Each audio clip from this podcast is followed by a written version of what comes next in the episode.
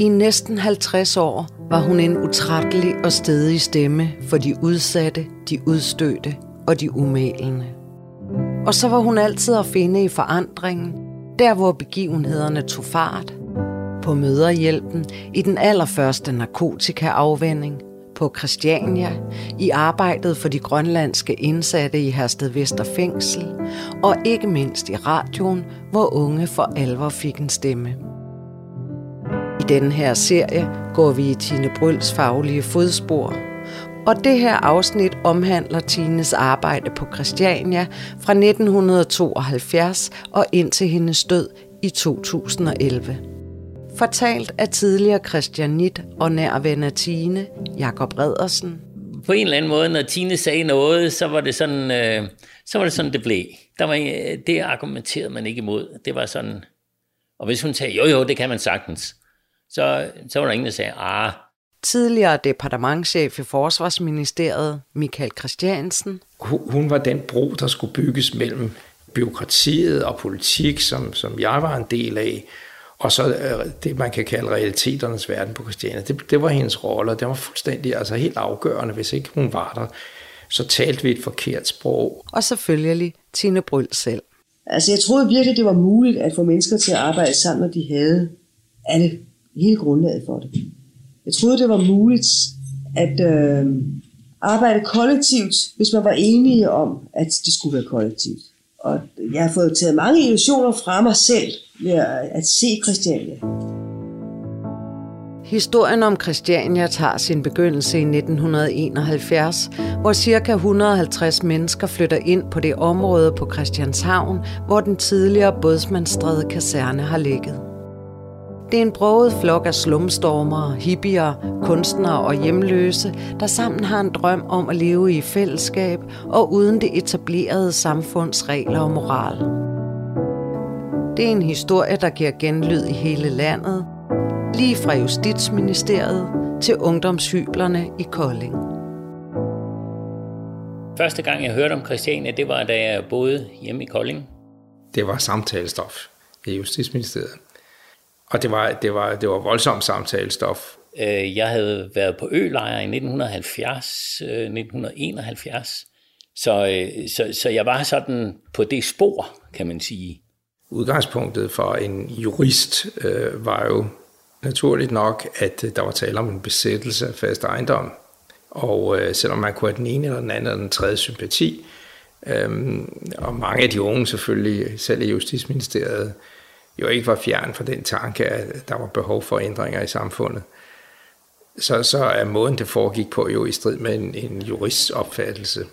Jeg kan ikke erindre, at der var nogen i Justitsministeriet, der syntes, at metoden var i orden. Det var ikke kun i Justitsministeriet, man syntes, det var for galt med den besættelse. Gamle militærfolk rasede over vandhældelsen, og mange mennesker harmedes over lovløsheden. Men ugerne gik, og nye pionerer strømmede til de store arealer, hvor der blev bygget, istandsat og holdt møder, uden at der blev grebet ind men det bundede blandt andet i det faktum, at beslutningstagerne ikke havde fået gjort sig konstruktive tanker om, hvordan det store areal skulle udnyttes. Dybest set er der jo ikke rigtig enighed om, hvad der skal ske på Christiania. Og det bliver diskuteret lidt i regeringen, hvad det skal være, og nogen synes, der skal bygges boliger, nogen synes, der skal bygges opera, nogen synes, at husene skal bevares. Og der er, det er sådan lidt uafklaret, og derfor lader man jo Christiania være. Og ud over det var der en endnu mere lavpraktisk grund. Det er svært at bevogte så stor en grænse, øh, og, og man kan sådan forudse, så kan man smide dem ud, og, og så vil de være der dagen efter igen, og man kan ikke rigtig komme i gang med at gøre noget. Den tredje og helt essentielle forklaring på, at Christiania ikke blev ryddet allerede i 1971, skal findes i det store sociale billede.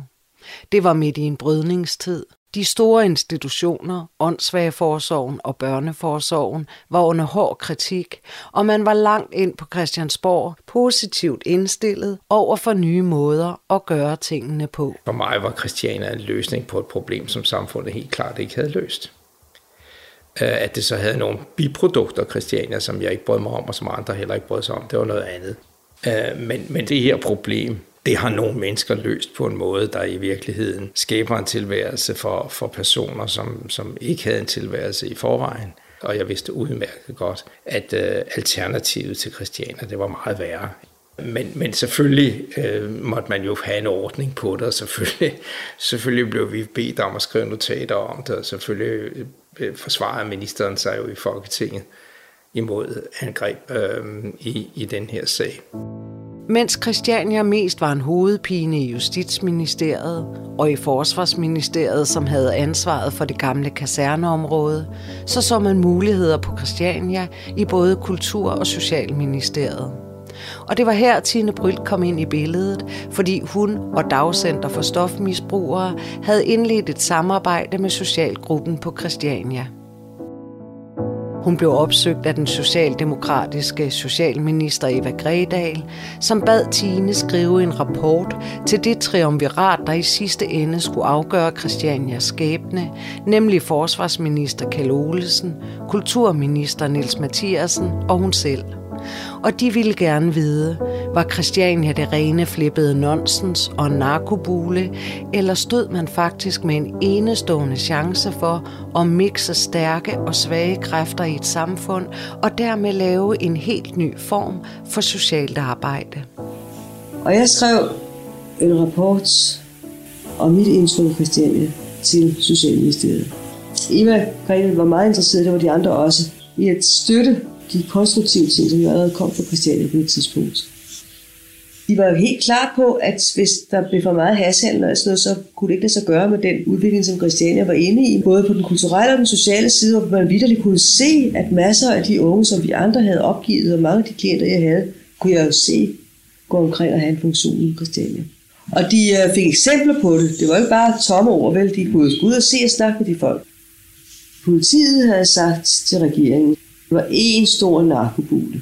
Jeg husker, jeg var til et møde, hvor øhm, justitsministeren og de tre ministre her deltog, og politiet og jeg. hvor vi sad og råbte over for hver sin ende af bordet. Og hvor, hvor jeg sagde, at selvfølgelig var der stoffer derude, men det var overhovedet ikke det der omfang, som politiet antydede. Og politiet anklagede mig for ikke at vide noget om tingene. Så lavede jeg en til rapport. Og så besluttede den socialdemokratiske regering, at man ikke ville rydde det. Men det var faktisk lige op over. Og det var sådan noget med, det var fordi de tre ministre stod fast og sagde, at det kan ikke være rigtigt, at vi skal rydde et område, hvor der er mulighed for at lave så mange spændende eksperimenter.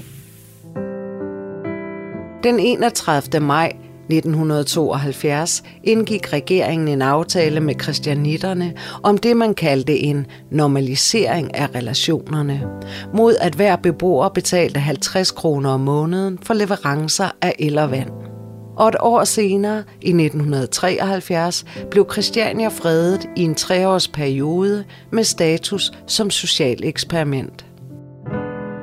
Og således var der frit slag for det skæve, spraglede, voldsomme liv i fristaden, der for eksempel gav rum til teatergruppen Solvognen, der blandt andet arrangerede den legendariske julemandshær, hvor man delte gratis julegaver ud i magasin og gik i banken for at få et rentefrit lån på 50 millioner. Jeg var kommet med i en lille teatergruppe ude på Nørrebro, øh, RT, Revolutionær Teater. Så, øh, så øh, da Solvognen skulle lave julemandshæren, så ringede de jo rundt til alle mulige små øh, teatergrupper og spurgte, om vi ville være med i det her. Ikke? Og, og så oplevede jeg der øh, det der fantastiske, som julemandshæren jo var. Hold da op, hvad man kunne. Jeg var derude nogle gange i, i begyndelsen af 70'erne. Altså, når man er ung, er man jo drevet af nysgerrighed. Så det er altså dels for, at jeg drevet af nysgerrighed, og dels øh, altså også af et socialt engagement at se, hvad var det her egentlig for noget, ikke? og var det en model? Men det var jo ikke noget, jeg sad og snakkede om i Justitsministeriet. Jeg tror, jeg var den eneste i Justitsministeriet, der kom nogenlunde jævnligt på Christiania. Altså Christiania er en meget væsentlig del af min ungdom, så jeg har, jeg har den et godt sted. Altså jeg har et kritisk forhold til noget, men en overordnet meget positiv holdning til Christiania. Den unge jurist i Justitsministeriet, Michael Christiansen, var ikke den eneste, der fik en veneration for de sære foretagende på Christianshavn. Og mens tiden nærmede sig i 1976, hvor forsøgsperioden udløb, fik modstanderne det problem, at den danske befolkning langsomt var begyndt at sætte pris på det danske kendemærke. BT skrev, folk valgfarter til Christiania. Og det gjorde de, fra nær og fjern, fra Nordjylland og Falster, og gymnasieklasser skrålede med på Christiania-sangen I kan ikke slå os ihjel. Og så var der dem, der simpelthen flyttede til pælene, deriblandt den unge mand fra Kolding, Jakob Redersen. Den 1. april 1976 flytter jeg min skurvogn ud på Fredens Eng, og øh, der er det jo lige op til her, hvor, hvor øh, øh 1. April 78 Christiania skal ryddes, og den store demonstration, og der er det hele jo kørt helt op. Det, øh, det bliver jeg violet ind i meget hurtigt, også fordi jeg øh, har læst øh, på RUG og godt ved noget om politik og jura og sådan nogle ting, så det er vel meget naturligt. Og det interessante var, at på RUG oplevede jeg virkelig sådan nogle teoretiske marxister – og det sagde mig ikke en skid. Det var jo dybest set nogen, der havde det udgangspunkt, at øh, du skal ikke tro, du kan lave noget om, fordi de eneste, der kan lave noget om, det er arbejderklassen. Så du kan stille din viden til rådighed for arbejdsklassen, men dig selv. Mm. Øh, så når man kom til Christiania, så var det jo stik modsat. Der gik det jo på, at hvis du synes, der er noget, der skal laves om, så gør vi det bare i morgen. Eller nu. Og det var sådan en helt anden energi, der mobiliserer noget, øh, og, og som jeg jo også genkender hos Tine, det her med, at det teoretiske, det spiller ikke en stor rolle. Det er det at gøre ting, der betyder noget. Ikke? Jamen altså, hvad fanden, hvis det er det, der er rigtigt at gøre, så er det det, vi gør. Så må vi skulle ligesom tage de tæsk for det, øh, der kommer ud af, at vi ikke øh, lige holder det helt på dydens smalle sti. Ikke? På den fastsatte rydningsdag den 1. april 1976 møder omkring 30.000 mennesker op på Rådhuspladsen til en støttedemonstration, og undersøgelser fastslår, at over halvdelen af Danmarks befolkning er imod en rydning. På den baggrund beslutter Folketinget at udsætte den. Men fristaden er jo langt fra reddet, så Christiania går i offensiven og anlægger sag mod staten for løftebrud med henvisning til en idékonkurrence for områdets fremtidige anvendelse, der ikke er blevet afholdt. Retssagen skal forhindre en rydning, men i 1977 taber Christiania sagen, der bliver anket til højesteret. Alt sammen under stor mediebevågenhed.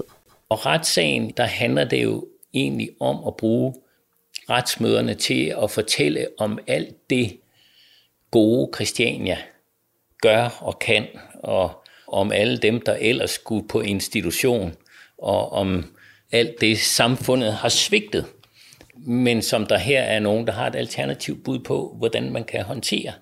Så det er jo en kæmpe reklamekampagne, men det var på mange måder en, en, en paradoxal tid, ikke? fordi midt imens det store reklameshow kørte fra Christiania, der kom der jo mere og mere junk og narkotika ind på Christiania. Og der kom en modsætning mellem det, man reklamerede for, og det, der faktisk skete. Det er måske også her, at hasmarkedet for alvor begyndte at sætte sig fast hos nogle grossister, hvor det førhen lidt havde været nogen, der var sådan taget en tur til Marokko, og så havde taget lidt med hjem i, i, i rygsækken, og så solgte de det. Så blev det jo øh, junkier, der, der stod og solgte for nogle grossister på gaden for at skaffe penge til deres stof. Og det er klart, jo flere junkier, der kom på Christiania, jo mere hashandel, jo mere øh, fik vi en helt anden købmandsstruktur øh, i hasmarkedet. Der havde jeg i hvert fald de første snakker med Tine om det her med, at det jo ikke hasforbruget, der er alvorligt. Det er pengene, der underminerer Christiania. Det blev en af Tines livslange kampe at få legaliseret hashen, så det store illegale hashpengemonster ikke havde noget at leve af på Christiania. Men det var en af de kampe, hun tabte, selvom argumentet vækker genklang i store dele af Danmark, også hos en uddannet jurist som Michael Christiansen. Selv er jeg stor tilhænger af det, og var fuldstændig enig med hende. Altså det eneste rigtige, det var at lave en Amsterdam-løsning og, og gøre hash roligt i, i til centrale København eller lignende og lave ting, som de har det i Amsterdam. Det er de jo ikke døde af i Amsterdam, og det går udmærket. Der er 13 amerikanske delstater, der har gjort det nu, tror jeg. Altså, hvad, altså jeg har aldrig begrebet øh, regeringens hashpolitik. Altså, det kunne have løst rigtig mange problemer, og det kunne, vi kunne have undgået meget øh, organiseret kriminalitet, øh, hvis vi havde gjort det. Og jeg er sikker på, at hvis hashhandlen var fri på Nørrebro og Vesterbro, så ville Christiania ikke være noget særligt interessant sted, fordi der gider man da ikke komme. Men det blev det så, fordi det var det sted, taxaerne holdt, og folk styrtede ind og hentede deres hash. Det er dårligt, og det giver Christiania et dårligere omdømme, end Christiania egentlig skulle have. Og da så den organiserede kriminalitet begyndte at tage sig af det, og bandekriminalitet, så blev det jo helt galt. Og, og, og jeg kan huske, vi lavede jo øh, sådan et regnestykke, der i hvert fald var en omsætning på en halv milliard nede i gaden om året. Og, og hvis det både var øh, sådan halvgrossister og, og detailhandel, der var på Christiania, så var i hvert fald halvdelen af det var profit. Så det var jo indkomster, og de mange penge har jo hele tiden været gjort det vanskeligt for et politisk flertal at argumentere for, at Christiania var noget godt. I slut 70'erne var det ikke bare hashen, der var et problem på Christiania. Der kom flere og flere hårde stoffer i omløb, og flere og flere narkomaner i de små gader i fristaden. I bogen Et lettere kaotisk ridt fra 2009 beskrev Tine det som et vendepunkt i Christianias historie, da beboerne vedtog og gennemførte junkblokaden i 1979, hvor man endnu meget håndfast smed narkomanerne på porten. En aktion på kant med egne principper, men med ryggen mod muren. Jeg kan huske, at jeg sad jo ude hos Tina og sagde, at jeg er sgu bekymret, fordi nogle gange så, vi bruger metoder som uropatruljen, dem vil vi jo bebrejde, at de bare sparker en dør ind uden retskendelse, og at de bare øh, fuldstændig, du ved, bare siger, at du skal ud, og du skal ikke være her. Altså det, det var sådan en, en autoritær, du ved, ikke? Og Christiania er bygget på det anti-autoritære. Så, så på en eller anden måde var det jo en voldsom modsætning, ikke?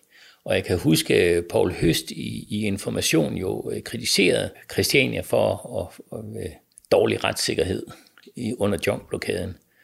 Og Tina og jeg skrev gladeligt i et læserbrev, at øh, nu måtte han fandme stoppe sine fine fornemmelser skråt op. Men det var vi jo egentlig mere i tvivl om, end det vi gav udtryk for. Øh, at, at det synes vi heller ikke selv var helt fint i kanten. Men, men, men hun bakkede det op, fordi det var, altså, øh, fordi det var nødvendigt. Og det, det skal hun jo have, du ved ikke, at øh, det, det var det. Den kom til at spille en stor rolle i den senere diskussion, fordi det lettede mig i min argumentation over for mit bagland, det var hele tiden, jamen Christiania vil det rigtige. Det er ikke dem, der skaber de her tilstande. Det er retstilstanden, der gør, at de er som svamp, der trækker vand til sig. Men, men inderst inde er det ikke Christianias vilje, at det her skal forvandles til et eller andet narkohelvede. Og, og sætte et lighedstegn mellem de mennesker, der bor på Christiania, og så et narkohelvede af professionel udnyttelse, det er forkert. Med den tvivlsomme, men succesfulde junkblokade i 1979 går Christiania og resten af danskerne ind i 80'erne, hvor der kommer en art politisk ro over fristaden. Og Tine kan koncentrere sig om det, hun er bedst til, og det, hun nyder mest, det sociale arbejde på jorden. Når hun gik ned igennem gaden, så, så fik hun mange henvendelser fra nogen, der spurgte, om hun ikke lige kunne sidde og snakke lidt og, og sådan, ikke? Jeg har jo gået sammen med hende, og hun har givet sig tid, når vi gik på Christiania til de her ting. Ikke? Og det var, det var ligesom at sidde øh, på mit ungdomsværelse hjemme i Kolding og høre på tværs.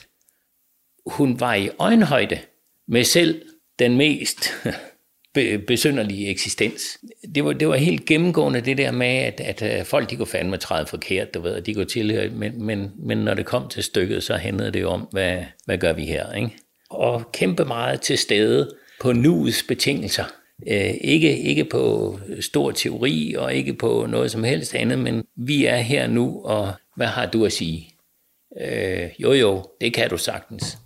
Og, og det der, øh, at, at en, der var en kendis og en, nærmest en celebrity, øh, bare sådan, du ved, øh, havde tid til at sidde og snakke med mig, agtigt. Det, det tror jeg betød meget for, for rigtig, rigtig mange øh, mennesker. Øh, og det brugte hun meget mere tid på, end at sidde og snakke med alvorlige mennesker om.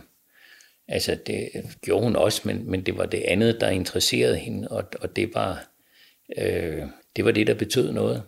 Men ellers gik 80'erne jo rigtig meget med også at nedtrappe konflikterne. Vi havde jo, øh, altså Uropatruljen var jo øh, voldsom. De havde jo sådan en streamer i bagruden på deres øh, politibil, hvor der stod, løs Danmarks affaldsproblem, ryd Christiania. Det, det, det førte ikke nogen steder hen. Det gravede bare grøfterne dybere.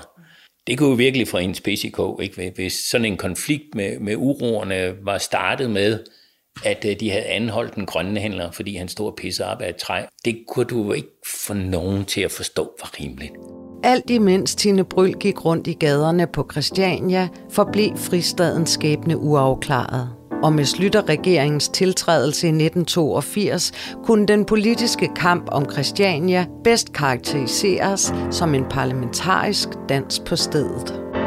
Der var jo utallige Christiania-forspørgseler, og hver gang der var en eller anden begivenhed på Christiania, som var tvivlsom, dem var der jo nogen af, øh, så blev det til en debat i Folketinget, og, og så øh, endte det altid med, at der kom et forslag fra regeringen om at nedlægge det, og så blev det stemt ned, og så fortsatte det som.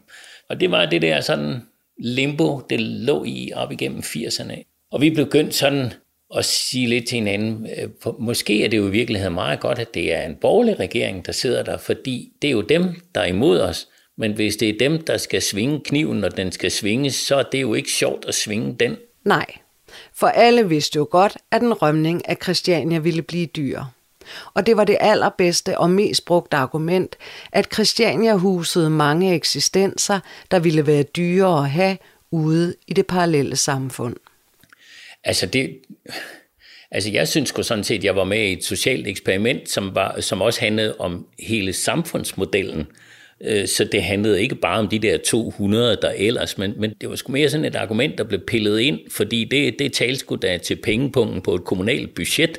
Altså, og det var vel sådan tidstyret. Altså man fandt de argumenter, der var gangbare mønt, og de blev så bare, du ved, brugt. Og således også Tine i et interview i 1988.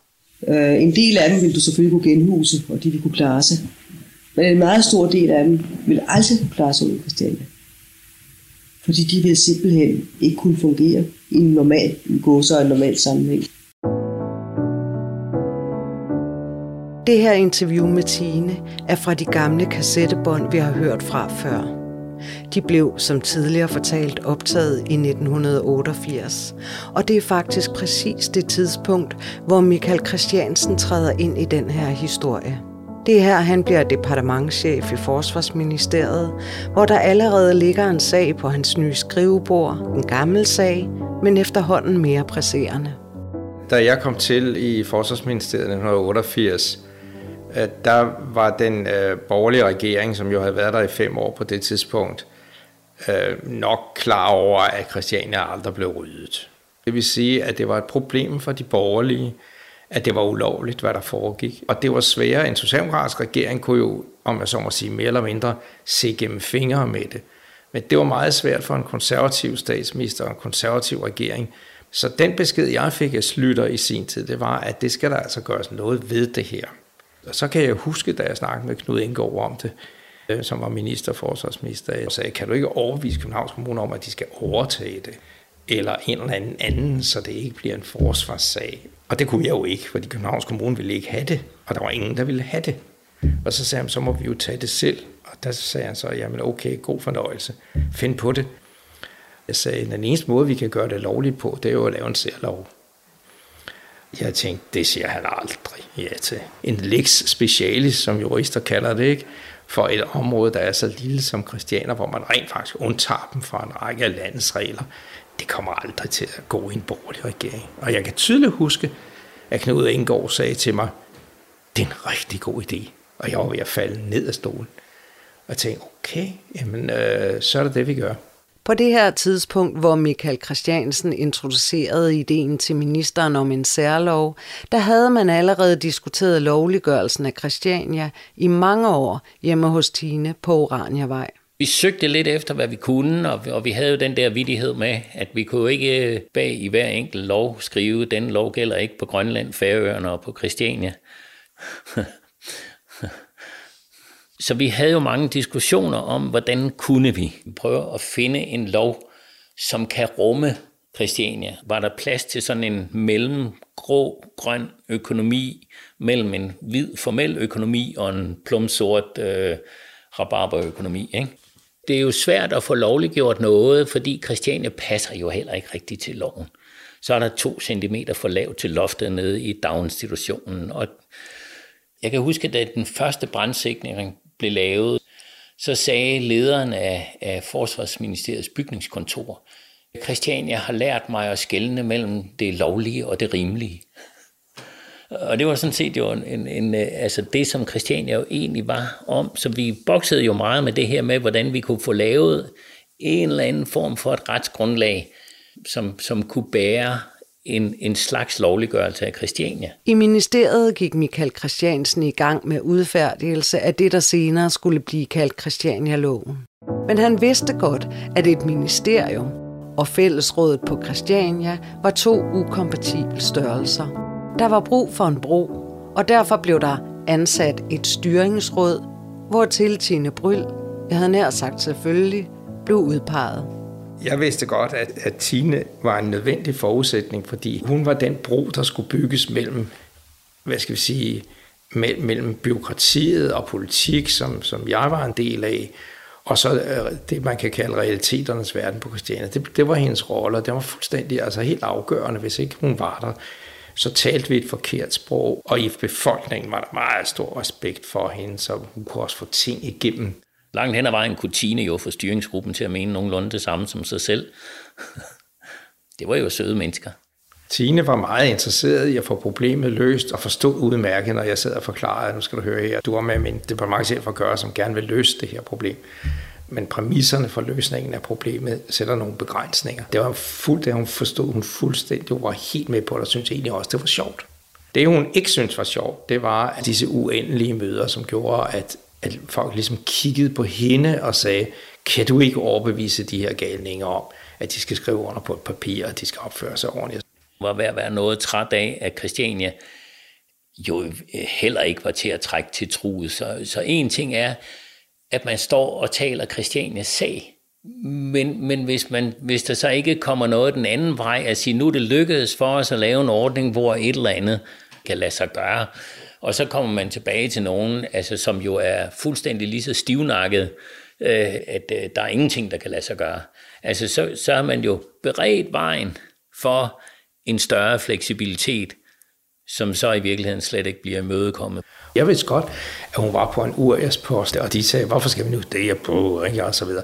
Så man skulle starte ved over 0 og fortælle dem, altså, det her det er nødvendigt at gøre, fordi i modsat fald, så vil en borgerlig regering ultimativt komme til at rydde Christian. Det bliver de simpelthen nødt til.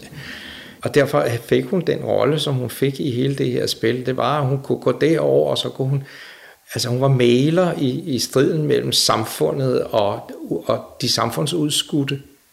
Og hun kunne både tale med samfundet og de samfundsudskudte. Det var der ikke så mange mennesker, der kunne. Der var ingen, der som hun kunne gå over og sige til, nu skal I med. Ja, det var sådan noget, hun kunne. Men, men det, er jo, det er jo svært at sige, om det er et instinkt i virkeligheden, ikke? Som, som gør, at, at øh, hun lige rammer tonen med den overbevisning og ligesom sige det, selvom hun jo er dybt i tvivl om mange ting. Hun er ligesom en god fodboldspiller og ligesom en god balletdanser. Altså hvis du ikke har talentet, øh, så, så nytter det ikke noget. Og langt de fleste mennesker, der har med sådan nogle sociale problemstillinger, som hun blev kastet ud i, det, de kan ikke lære. Det er ikke noget, man kan lære. Det tror jeg ikke. Men man kan udvikle det sit talent.